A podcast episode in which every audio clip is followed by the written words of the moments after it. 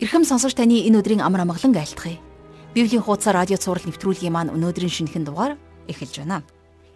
Хэрвээ хин нэгэн чухал хүн бол тэр бусдаас илүү зарим нэгэн зүйлийг туулах болно гэдгийг ойлгох хэрэгтэй.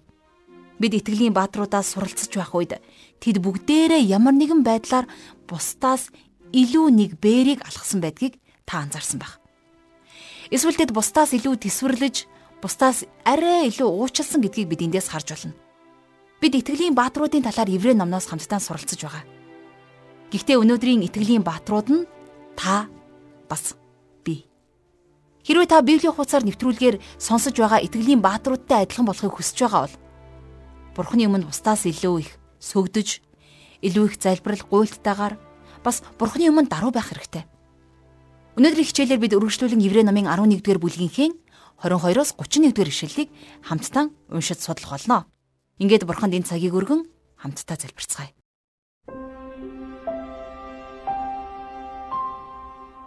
Бурхан аав минь таньда энэ цагийн төлөө талархал магтаалыг өргөн залбирч байна.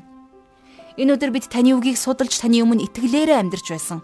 Тэрэл итгэлийн бааtruудын амьдралаар замнаж тэднийг иргэн санаж танд итгэх итгэлээ улам батжуулахыг хүсэж байна. Бид итгэлийн амьдралдаа харагдах зүйлсээр биш харин итгэлээр алхаж амьдрахад та бидэнд туслаарай. Үүний тулд энэ цагт та бидэнд итгэлийн талаар олон гайхамшигтай үннийг зааж сургаарай. Энэ цагийг эхнээс нь дуусах хүртэл ариун сүнсээрээ та удирдаарай. Бүх зүйлийг танд өргөж эзэн Есүсийн нэрээр залбирanгуйч байна. Амен. Ингээд хамтдаа жаргалах шиг хичээлд анхаарлаа хандуулъя. За Еврей номын итгэлийн бүлэг гэдэг алдартай 11-р бүлэгтээ өнөөдөр надтай хамт байгаа сонсогч танд баярлалаа. Бид нэр хуучин гэрээний үеийн итгэлийн бааtruудын амьдралаас жишээ татан үзэж байгаа. За тэгвэл өнөөдөр 11 дугаар бүлгээ үргэлжлүүлээд 22 дугаар ишлэлээс эхлэе. Өнөөдрийн маань хамгийн ихний итгэлийн баатар бол Йосеф. Итгэлээр Йосеф насварж байхдаа Израилийн хүүгүүдийн гитлэлийн тухай дурдж өөрийнх нь ясыг хаан тавихыг зааварлжээ. За уул нь энд Йосефийн амьдралын маш олон үйл явдлаас итгэлийн жишээ болгон дурсах боломжтой байсан. За жишээлх юм бол Йосефийг Египтийн шоронд хоригдож байсан тэр хүнд хэцүү цаг үеийг дурдж болох байсан. Хэрвээ бид нар тэрний оронд байсан бол бурханд гомдлож бөө юм болох байлаа. Гэтэл Йосеф итгэлээ алдаагүй. Гэтэл энэ тухай энд бичигдээгүй мөртлөө ариун сүнс яагаад ч юм чухам энэ нэгэн үйл явдлыг энд тэмдэглэн сануулсан байна. За Йосеф болвол эцэг Яаковаас тис өөр хүн байсан. Тэрний амьдралаас ер нь өөсий болно гэдэг бол маш хэцүү. Ер нь байна. Хуучин гэрээндх итгэлийн бааtruудаас Йосеф л Есүсийн хамгийн тодорхой зураглал төлөөлөл байсан гэж хэлж болно. А тэгсэн мөртлөө Библиэлд тэрнийг Есүсийн зураглал байсан гэдгийг ердөөсөө дурдаагүй байдаг. Есүс Христ болон Йосеф хоёр хоорондоо маш төстэй. Йосефч бас Есүс шиг аавынхаа ганц хайртай хүн байсан. Йосефт бурхан илчилтийг өгч ах дүүсээ захирах болно гэдгийг илчилж өгсөн байдаг. А гэтэл харин ахын дүүс нь тэрэнд үл итгэж тэрнийг хоосон мөрөөдөгч, хий зүүдлэгч гэж нэрлсэн. Тэр ч битгий хэл Йосефийг үзен ядсан. А тэгвэл эзэн Есүс ч гэсэн бас өөрийнхөө ах дүүстэр бурхны илчлэлтийг аван очисон ч гэсэн Израильчууд тэрнийг хүлээж аваагүй. Есүсийг үзен ядсан. Йосеф эцэгтэй дуулууртай байсан шиг Есүс Христ ч гэсэн бас Бурхан эцэгтэй дуулууртай байсан. Йосефийн ах дүүс нь Йосефийг үзэн ядсан шиг Есүсийг ч гэсэн бас ах дүүс нь болох Израильчууд үзэн ядсан. Тэм учраас Иохны 1:11 дээр тэр өөрийнхөндөө ирсэн боловч өөрийнх нь түүнийг ис хүлээн авчээ гэж бичсэн байдаг. Йосефийг эцэг нь ах нарыг нь олуулахаар явуулсан шиг Есүс ч гэсэн бас алдагдсан хүмүүсийг олохын тулд дэлхийд ирсэн. Йосеф ахнараа хоньны бэлчээрт байхад нь олж ирсэн шиг Есүсийг мэдлэхэд ч гэсэн бас бэлчээр дээр байсан хончид мэдж түүн дээр ирж мэдчилсэн байдаг. Ахнар нь Йосефийг үзен ядаж, доромжилж, тэрнийг алхахаар хувилдсан шиг яг тийм зүйл Есүс эзэнт ч гэсэн бас тохиолджээ. Йосефийг ахнар нь боол болгон худалдсан шиг эзэн Есүсийг ч гэсэн 30 мөнгөн зоосоор худалдсан. Ах нар нь Йосефийн дээлийг цустай хутгаад аавда аваачж өгсөн шиг Есүсийн цус болсон хувцсыг цэргүүд шодож хувааж авсан байдаг. Дараа нь Йосефийг Египт рүү боол болгон худалдаж Йосеф Египтэд өсч өндийн 90 цент хүрсэн шиг эзэн Есүс ч гэсэн бас энэ дэлхийд хүн болон ирээд 90 цент хүртлээ өсч өндийсэн. Египтэд Йосеф ерөнхий сайд болоод хүмүүсийг ган гачхаас аварсан шиг Есүс ч гэсэн бас энэ дэлхийд ирэхдээ хүмүүсийг гим нүглээс аварсан. Йосеф хаан ширэнд сууж байхдаа хүмүүст талах тариа тарааж байсан шиг эзэн Есүс ч гэсэн бас энэ дэлхийн хүмүүст амийн талахыг өгсөөр байна. Египтэд байхдаа Йосеф Египт эмэгтэйтэй гэрэлсэн бол Есүс энэ дэлхийн хүмүүсийг чуулган руу дуудаж харин тэрхүү чуулганаа өөрийн сүйт бүсгүй болгон авсан. Йосеф ах нартаа өөрийгөө таниулсан шиг хожим нь Есүс ч гэсэн бас өөрийгөө бүх хүмүүст таниулна. Йосеф бурхнаас гайхамшигтай зүйлийг хүлээж авах үед ч гэсэн тэрнийг итгэлээрээ хүлээж авсан. Шудраг бишээр гүтгэгдэн шоронд мартагдсан байхдаа ч итгэлээ сахисаар байсан. Египтэд амьдрах бүхий л хугацааныхаа туршид Йосеф итгэлээ сахисаар байсан. Тэрний амьдрал тохиолдсон тэр бүх зовлон бэрхшээлийн дунд Бурханд итгэх тэрний итгэл нь тэрнийг зогсолтгүй урагшлахад нь тусалж байжээ. Магадгүй Египтийн ерөнхий сайд болоод Египтийн хамгийн алдар хүндтэй хүн болоод Йосефийн сэтгэл хансан гэж та бодож байна уу? Үгүй ээ. Эхлэл номын 50 дугаар бүлгийн 25 дугаар ишлэлийг харах юм бол Йосеф нас барахаас өмнөхөн Бурхан та нарт туслахаар заавал ирэх бөгөөд та нар ясыг минь эндээс авч яваарай гэж Израилийн хүүгүүдэд загсан байна. Йосефийг яагаад нас барсан даруун нутаг руу авч яваад оршуулаагүй юм бэ? Яагаад гэвэл тухайн үедээ Йосеф Египтийн ардын баатар байсан. А гэхдээ хожим нь Йосефийн талаар ердөөсөө мэддэггүй фараон гарч ирээд Израильчуудыг дарлан боолжилсан байдаг тийм ээ. Харин Мосегийн удирдлагын доор Израильчууд Египтээс гарч явахдаа Йосефийн ясыг аваад Самарын нутагт Шехем гэдэг газарт оршуулсан түүхтэй. За дараагийн ишлэлд Йосефос хойш нилээд олон жилийн дараа Израильчууд Египтийн боол байх үед гарч ирсэн өөр нэгэн итгэлийн баатрын тухай өгүүлсэн байна. За энэ хүний нэр бол тийм ээ. Энэ хүн бол Мосе. Тэрний итгэл нь бидэнд итгэлийн золиосыг харуулдаг юм а. Хамтдаа 23 дугаар ишлэгийг одоо уншийе. Итгэлээр Мосег төрөхөд эцэг ихэн түүнийг 3 сарын турш нууж байлаа. Учир нь тэд хүүгийнхээ сайхныг хараад хааны зарилгаас ч айсангүй. Мосегийн ээж аав хоёр бурхны төлөө, итгэлийнхээ төлөө бат зогсдог бурханлаг хүмүүс байжээ. Тийм ч учраас тэд нэр хүү Мосегийнхоо амийг аварсан байна. Мосе энэ л итгэл дээрээс хүн болон үндийсэн байна, тийм ээ.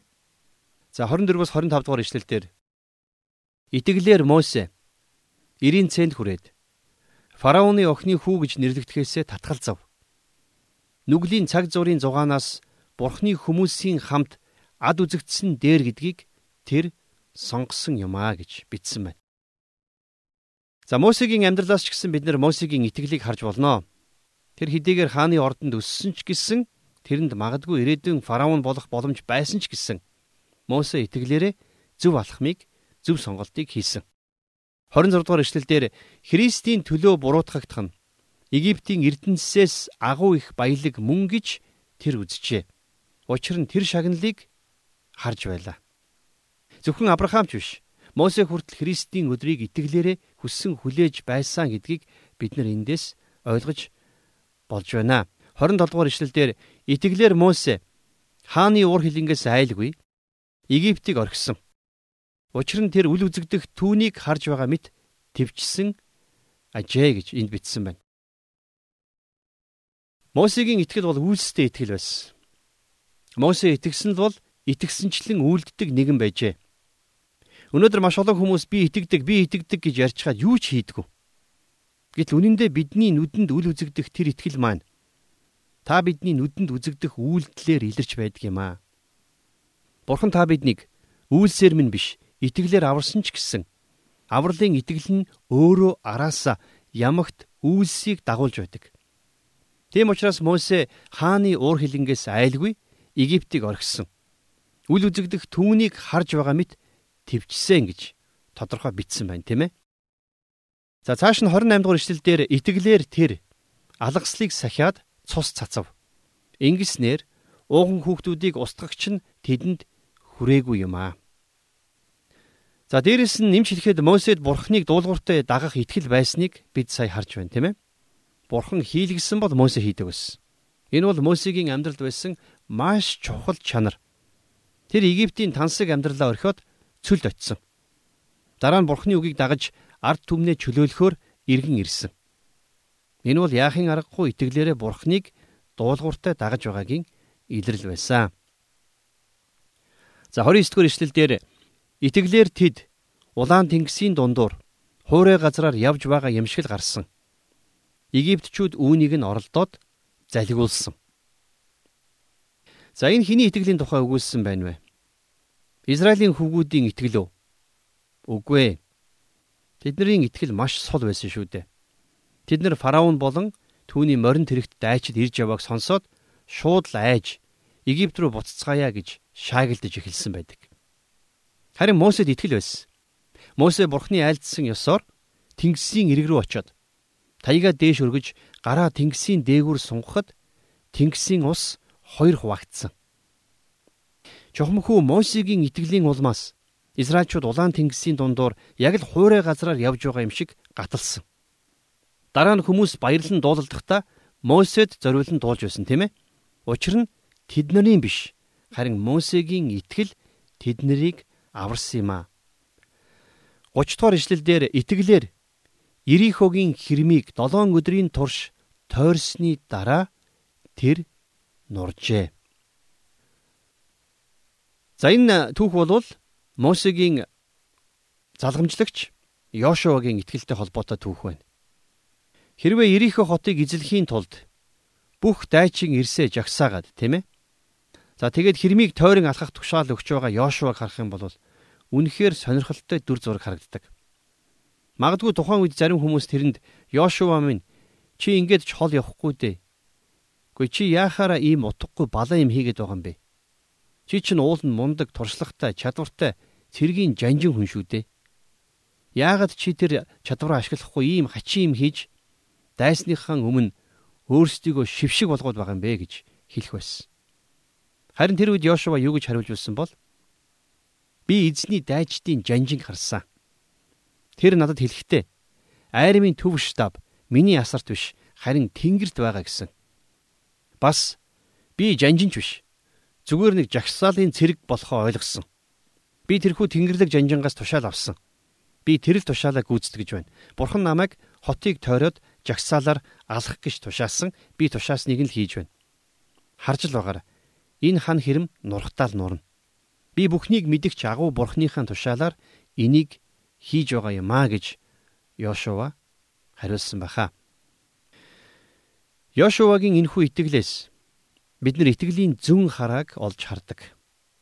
Итгэл бидэнд бид биш харин бурхан бидний захирагч юу гэдгийг харуулж байдаг.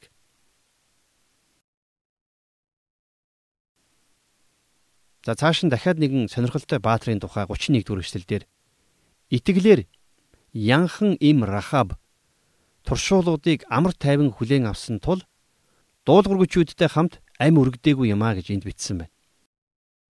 Би хувьдаа Рахабын түүхийг итгэлийн гайхамшиг гэж нэрлэмээр байна.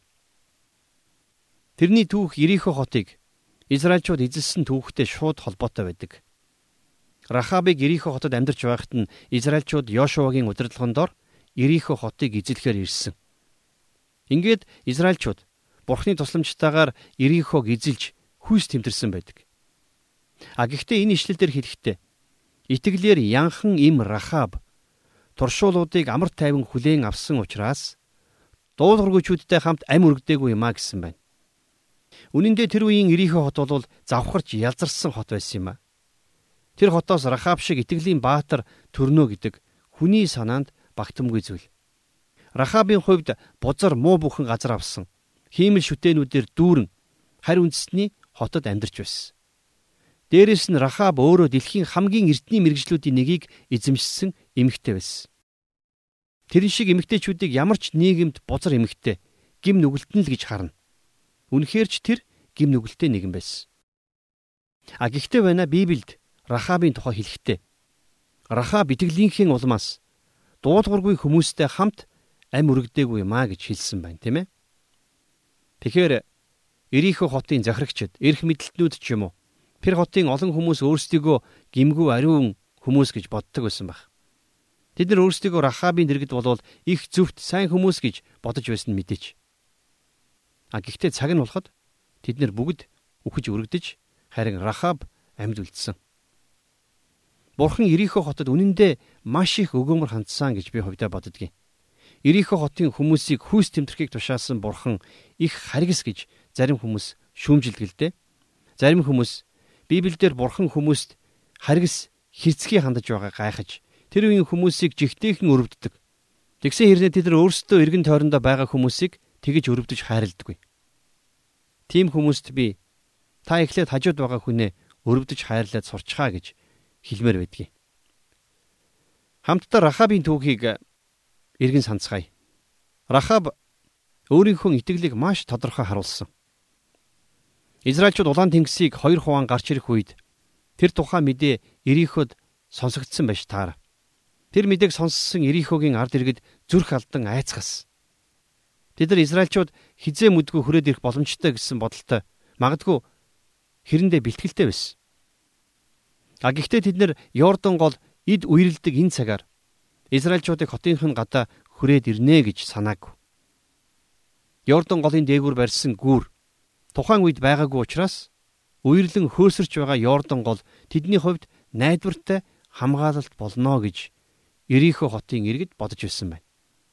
Тиймээс тэд нар Израильчуудыг ингээд гинтхэн хүрээд ирсэнд маш их цочирдсан байхаа. Йордан голыг гатлахаас өмнө Йошуа Ирихо хот руу туршуулуудаа илгээдэг тийм ээ. За тэгээд тэдгээр туршуулууд нь яагаад ч юм Рахабтай уулзсан. За магадгүй Рахаб анх тэдэнтэй уулзахдаа ажил хэргийн яриа ярихаар уулзсан байх. Тэр ажил хэргийн яриа юу болж дууссаныг мэдэхгүй ч гэсэн ямартай ч тэд нэр өөрсдийгөө туршуул болохыг Рахабт хэлж Бурхан Ирихо хотыг Израилийн гарт өгөх гэж байна гэдгийг тэрэнд хэлсэн байна. Ингээд Ирихогийн хааны цэргүүд тэднийг хайж ирэх үед Рахаб өнөөх туршуулуудыг нууж цэргүүдийг төөрөлдүүлдэг тийм ээ. Ингээд Рахаб тэдгээр туршуулуудаас нэг зүйлийг гуйсан. За юу гуйсан бэ гэхлээр та нар энэ хотыг эзлэх үедээ намайг болон гэр бүлийнхнийг маань амь хилтрүүлээч. Та нар бидний амийг авраарай гэж гуйсан. Туршуулууд ч гэсэн тэднийг аврах болно гэдгийг амласан байгаа. За ингээд тэдний гэрийг танихын тулд цонхноосоо час улаан уяа уяхыг Рахабд тэднэр сануулсан байдаг. Ингээд Израильчууд Ирихог эзлэх үедээ цонхноосоо улаан уяа уйсан Рахабын гэрийг хөндлгүй орхиж Рахаб болон тэрний гэр бүлийнх нь аврагдсан түүхтэй.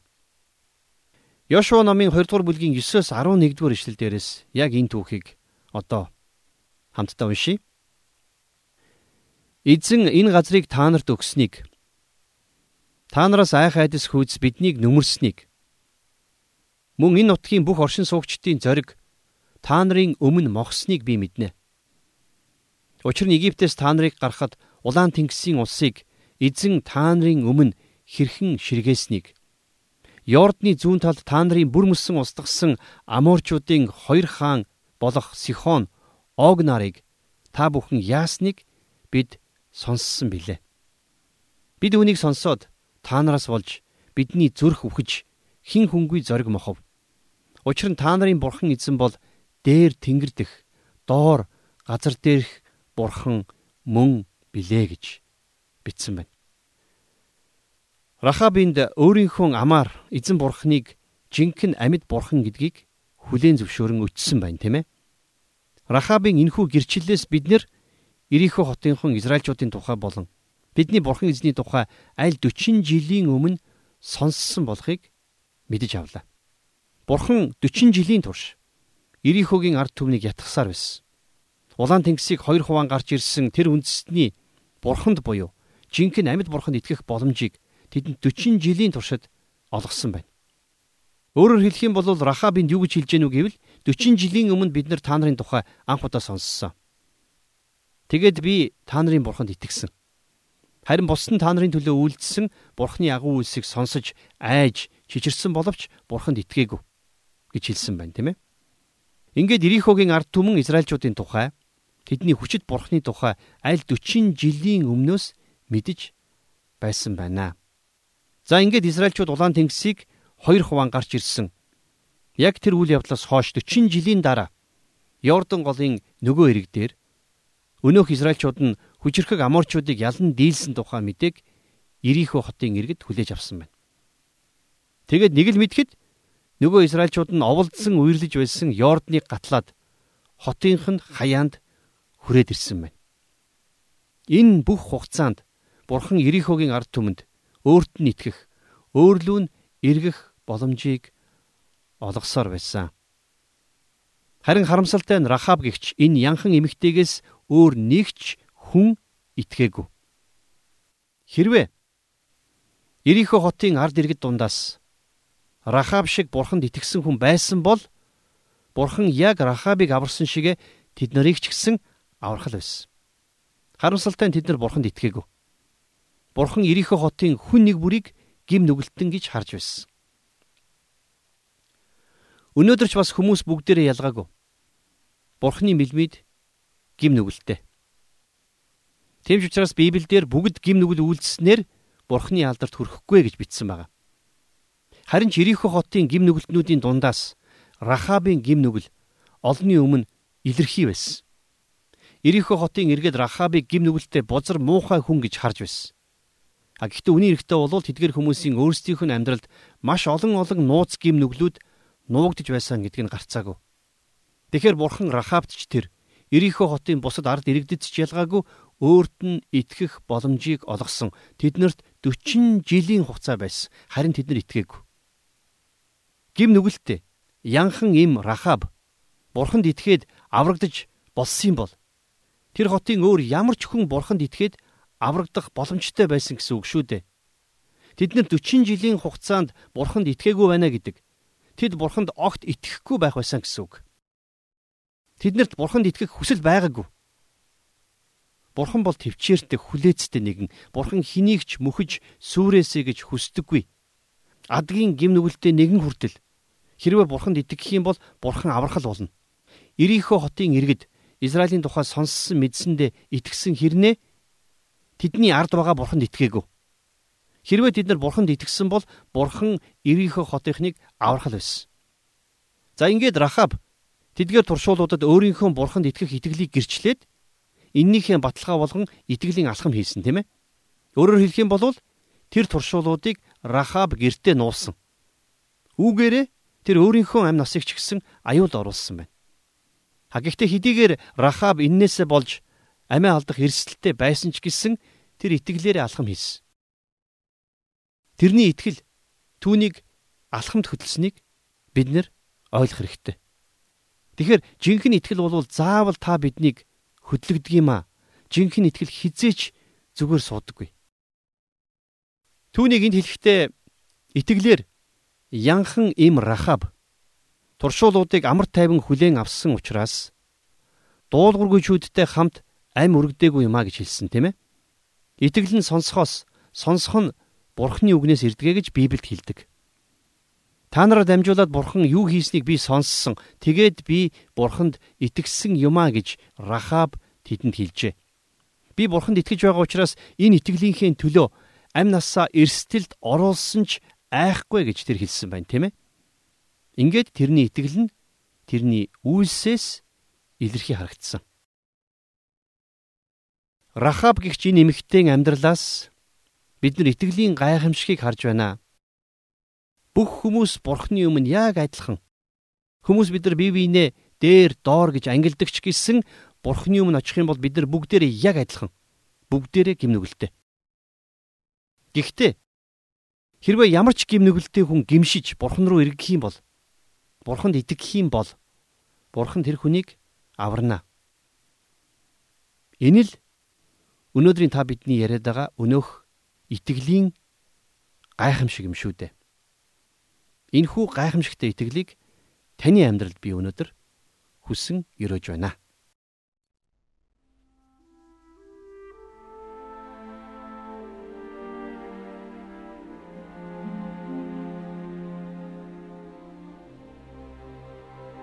Тэгэхээр Рахаб гэдэг эмэгтэй яагаад тийм амьдралаар амьдарч байсан тухай Библи тоочин бичээгүй. Харин тийм амьдралтай байсан байж Бурхны үндснүүдэд хандсан авралын төлөвлөгөөг ойлгосон тухай Библи бидэнд бичин үлдээсэн байдаг. Рахабын түүхээс номлож байсан Монгол пастор бид хин хин аврагдж байгаад анхаарлаа хандуулахаас илүү өөрийгөө аврагдахад юу саадуулж байгааг бодох ёстойг ойлгох хэрэгтэй гэж хэлжсэн санаж байна. Тэгэхээр тэр хотод Рахабаас сайн олон хүн байсан баг. Харин зөв зүйлд итгэдэг түүнээс өөр хүн байгаагүй нь харамсалтай. Учир нь Христ итгэл үйлсээр биш. Харин нэгүсэлд итгэх итгэлээр аврагддаг итгэл юм. Еврей номоос хичээл болгон янз бүрийн итгэлийн бааtruудын талаар таньж мэдж тэдний амьдралаас бид хамтдаа суралцж байна. Хэдэн жилийн дараа сонсогч таныг өөрийн эргэн тойрныхон хүмүүсийн итгэлийн үлгэр жишээ болсон байхыг бид харахыг хүсэж байна. Магадгүй өнгөрсөн хугацаанд өнгөрсөн хичээлээр дамжуулан эзэн таныг босгон байгуулж синхруулж эзэн танд гайхамшигтай илчлэлтийг энэхүү хичээлээр дамжуулан хэлсэн бол та нэвтрүүлгийн төгсгөл хэлэх имэйл хаягаар дамжуулан бидэнтэй заавал холбогдоорой. Эзнийг тунхаглахаас эзнийг гэрчлэн амьдрахаас та хоош бүү суугаарай. Бурхан хамтдаа талархан залбирцгаая.